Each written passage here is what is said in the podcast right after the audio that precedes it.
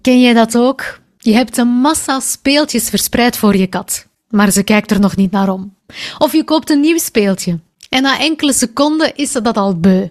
Hoe komt het toch dat onze katten zo snel uitgekeken zijn op hun speeltjes?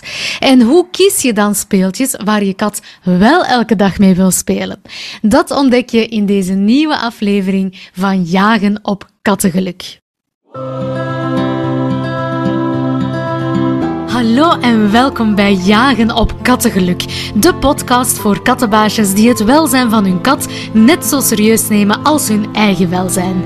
Die hun kat zielsgelukkig willen maken, zodat ze een geweldig gezinslid in huis hebben.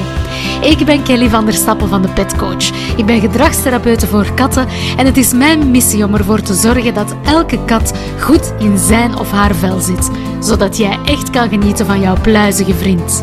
In deze podcast mag je je dus verwachten aan heel wat verdieping in de behoeften van je kat en aan praktische tips en tricks om op ontspannen voet met je kat samen te leven. Dus ben jij klaar om de wonderwereld van je kat te ontdekken? Dan is deze podcast jouw gids.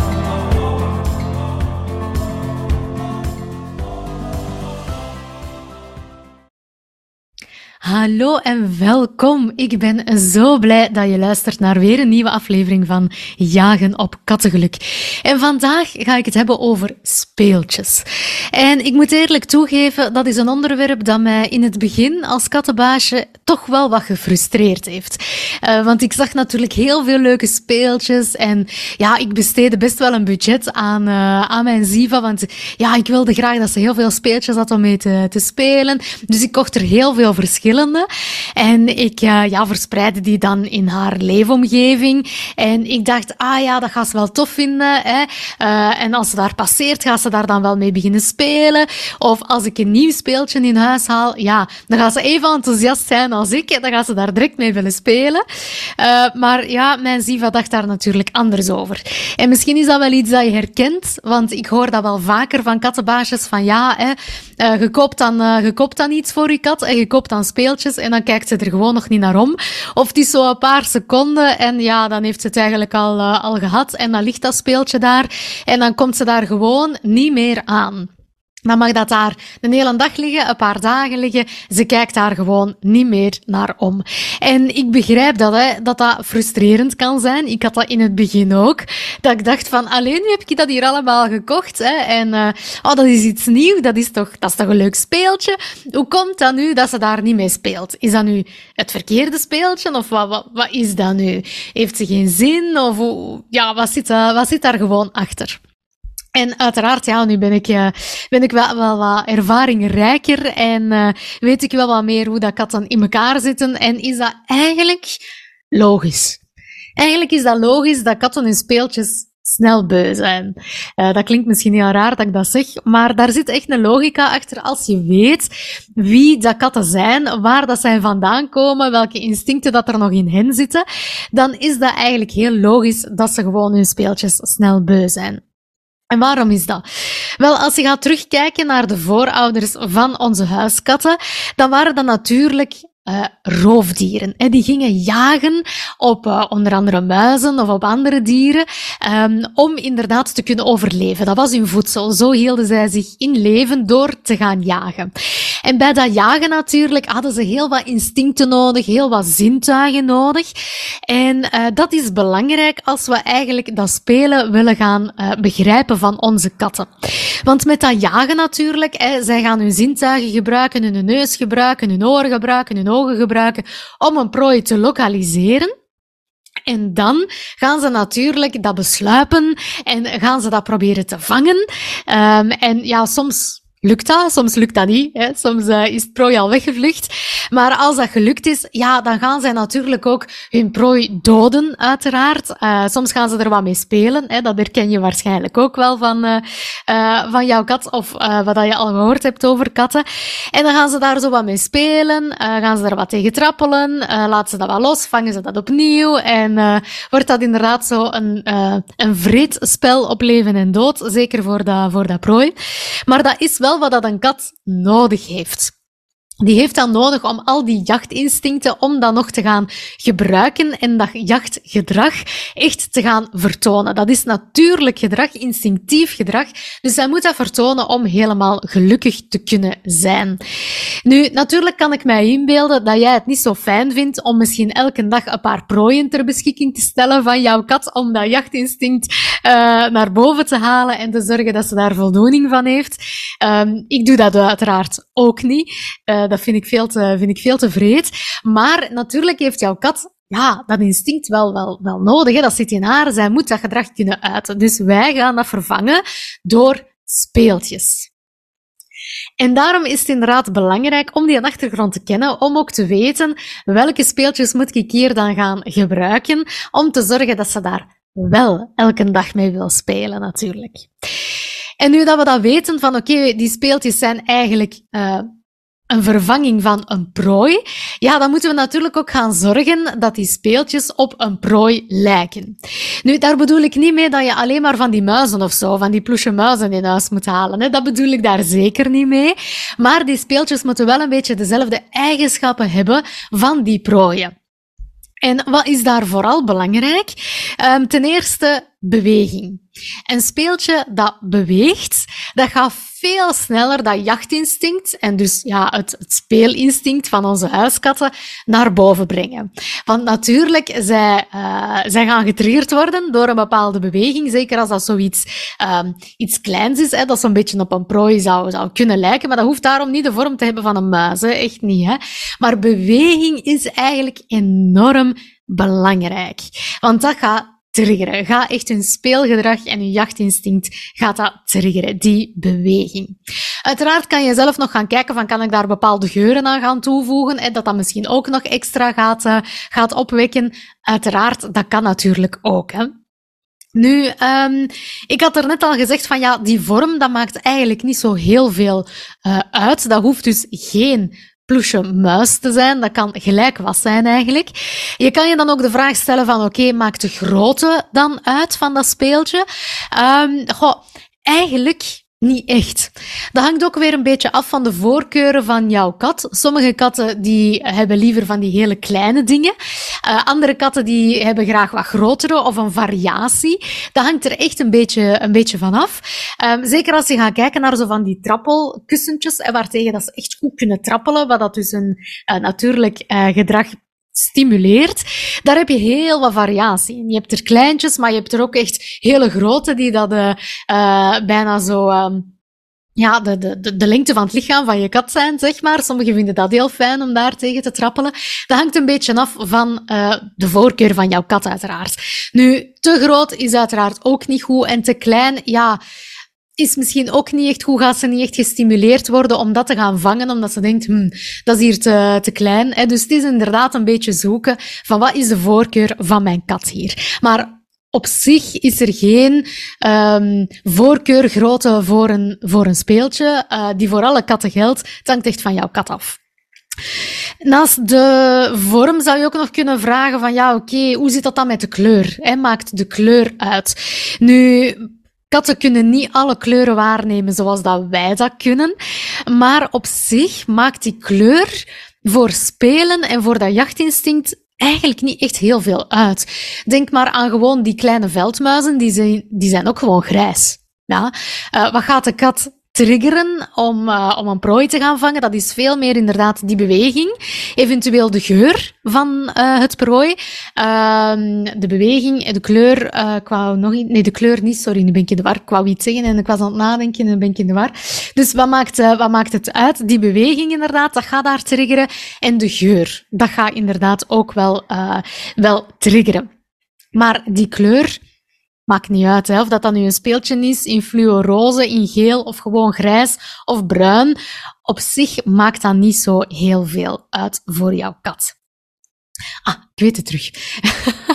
Um, ja, ik was even met een draad kwijt, maar ik weet het terug wat er ook nog meespeelt bij zo'n uh, bij zo'n prooi is het geluid. Hè. Als zo'n muis begint te piepen, dat kan uiteraard ook direct jouw kat uh, triggeren. Hè. Dus die inderdaad, daar was ik naar op zoek. Uh, dat geluid, de beweging en de, en de geur. Ja, maar de kleur maakt dus eigenlijk niet zo heel veel uit. Nu, dat geluid, ja, hè, als een muis begint, begint te piepen of een vogeltje dat begint te fluiten, ja, dat kan uiteraard wel jouw kat gaan triggeren. En daarom heb je ook bepaalde speeltjes met geluid natuurlijk. Dat kan zijn dat dat voor jouw kat een makkelijke trigger is om haar speelgedrag naar boven te brengen. Maar dat hangt er echt heel erg van af. Uh, je hebt zo van die speeltjes, als je daarin uh, op duwt, dat dat geluid maakt. Je hebt ook zo van die balletjes, die als dat rolt, dat dat geluid maakt. Maar dat hangt echt wel van jouw individuele kat af. En je moet ook oppassen dat je je kat niet laat schrikken van dat geluid, dat ze niet bang wordt van dat speeltje. Want ik weet bijvoorbeeld, mijn Ziva vindt zo van die balletjes met geluid in, vindt dat helemaal niet leuk. Um, die schrikt daar eigenlijk altijd een beetje van, van, hé, was dat? Um, dus ja, die, die heeft het daar zo niet voor. Die heeft het eigenlijk in het algemeen niet echt voor, uh, uh, voor van die balletjes, zeg maar. Um, maar bon, het geluid ook, moet je even gaan kijken van, oké, wat zijn de voorkeuren van mijn kat hier? Nu, we weten inderdaad, hè, die beweging van een speeltje is heel belangrijk. De vorm maakt niet zoveel uit, de kleur maakt niet uit, uh, de grootte maakt ook niet zoveel uit. Kijk naar de voorkeuren van jouw kat. Hetzelfde voor geluiden. Maar wat dat wel voor onze speeltjes die dat wij kopen belangrijk is, is dat je daar een zekere beweging in brengt. En dat kan zijn dat dat speeltjes zijn die uit zichzelf gaan bewegen, of als zij daartegen uh, duwt bijvoorbeeld, uh, dat dat echt in beweging wordt gebracht. Denk aan van die pingpongballetjes en zo. Dat kan uiteraard, dat dat de beweging veroorzaakt. Um, of dat jij inderdaad daarmee gaat, uh, gaat bewegen, hè, dat je eigenlijk prooi gaat spelen spelen, om zo maar te zeggen. Niet met je handen, hè, niet zelf, hè, maar dat speeltje. Hè. Um, kijk dan goed, inderdaad goed uit dat ze niet doorheeft dat het eigenlijk jouw handen zijn, want anders zou het wel eens kunnen zijn dat ze jouw handen vastgrijpt in plaats van dat speeltje. Ook niet de bedoeling natuurlijk.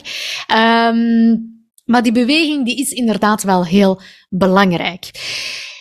En wat kan je dan doen? Je hoeft daarom niet inderdaad een maandloon te gaan spenderen aan speeltjes, als je weet uh, dat het toch niet zo gemakkelijk is en als je nog volop in die zoektocht bent naar de voorkeuren van jouw kat.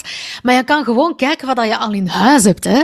Katten zijn niet zo kieskeurig als het op speeltjes aankomt. Dat hoeven geen dure speeltjes van de, van de dierenwinkel meestal te zijn. Uh, soms is dat wel leuk uiteraard, hè, voor, uh, voor een beetje variatie in te brengen is dat wel leuk. Maar soms kan je inderdaad ook gewoon gaan kijken wat je al in huis Zeker omdat katten natuurlijk ja, heel snel hun speeltjes ook beu zijn. En van waar komt dat nu?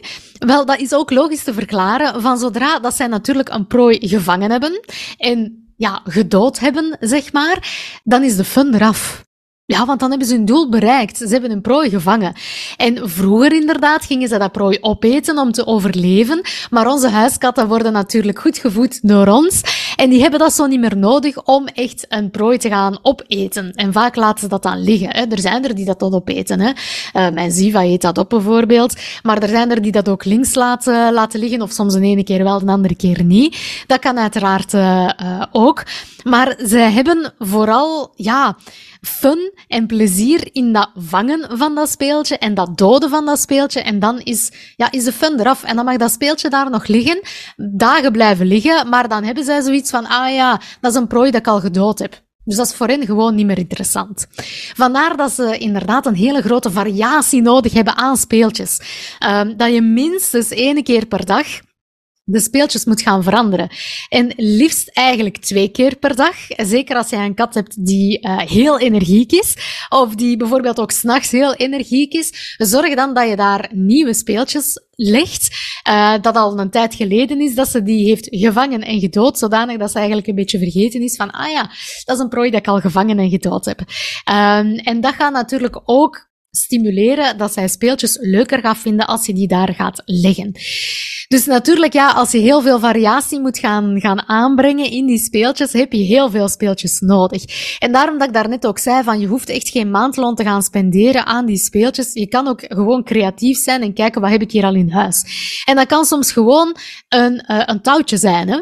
Uh, of dat je ergens legt, of dat je ergens beweegt, of dat je ergens aan hangt. Of je hangt daar iets aan, dat kan ook. Of een draadje van een bol wol bijvoorbeeld. Kan uiteraard ook. Hè?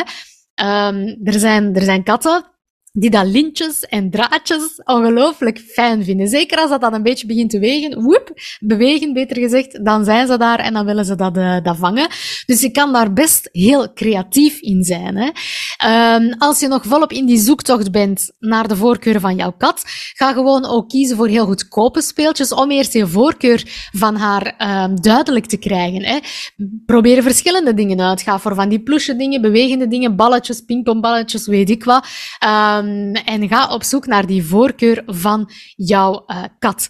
Zorg ook altijd wel voor iets, um, iets stevigers waar dat ze tegen kunnen trappelen. Dat kunnen ook gewone speeltjes zijn, maar dat kunnen ook van die trappelkussentjes zijn. Die kan je ook uh, gewoon kopen in de dierwinkel. Als je een beetje handig bent en je vindt dat fijn, kan je die ook gewoon zelf maken. Hè. Het enige dat je daarvoor nodig hebt, is uh, een lapje stof. Misschien ergens een overschotje van of zo. Um, en wat opvulmiddel is meestal ook handig. Je kan er ook wat kruiden beginnen in doen, om nog extra uh, dat jachtinstinct en dat speelgedrag naar boven te halen. En je gaat dat gewoon inderdaad uh, in de vorm maken dat je wil. Dat mag gewoon vierkantje zijn. Hè. Dat maakt meestal niet zo erg uit voor, uh, voor katten. Je vult dat op, steek daar eventueel wat kruiden bij en voilà, je hebt een, uh, je hebt een trappelkussen. Zorg zeker dat het natuurlijk heel goed vast zit, hè, want als ze daarin gaan bijten en je op gaan trappelen en noem maar op, dat niet direct de vulling eruit is en dat ze dat beginnen opeten, dat eigenlijk heel gevaarlijk wordt, want dat is natuurlijk ook niet de bedoeling uiteraard. Hè. Uh, maar zo'n dingen kan je dus zeker zelf ook gaan, gaan gebruiken, in elkaar knutselen. Kijk gewoon wat je eigenlijk al in huis hebt en vaak hoeft het helemaal niet zo moeilijk te zijn. Voilà. Dus wat ik onthoud uit deze aflevering, hè, van uh, waarom dat katten natuurlijk uh, ja, vaak hun speeltjes zo snel beu zijn en wat je daaraan kan doen, is van zorg vooral dat als je speeltjes in huis haalt, dat je uh, haar voorkeur eerst duidelijk krijgt van welke speeltjes vindt zij fijn, dat ze niet bang wordt van bepaalde speeltjes. Um, kijk vooral hoe kan ik daar beweging aan toevoegen en hoe zorg ik voor een maximum aan variatie en rotatie in die speeltjes, zodanig dat ze elke keer opnieuw gestimuleerd wordt om dat prooi te gaan vangen, om met dat speeltje te gaan beginnen spelen. Voilà, dat was het voor deze aflevering. Ik hoop dat je iets gehad hebt aan de tips en tot heel gauw. Hè.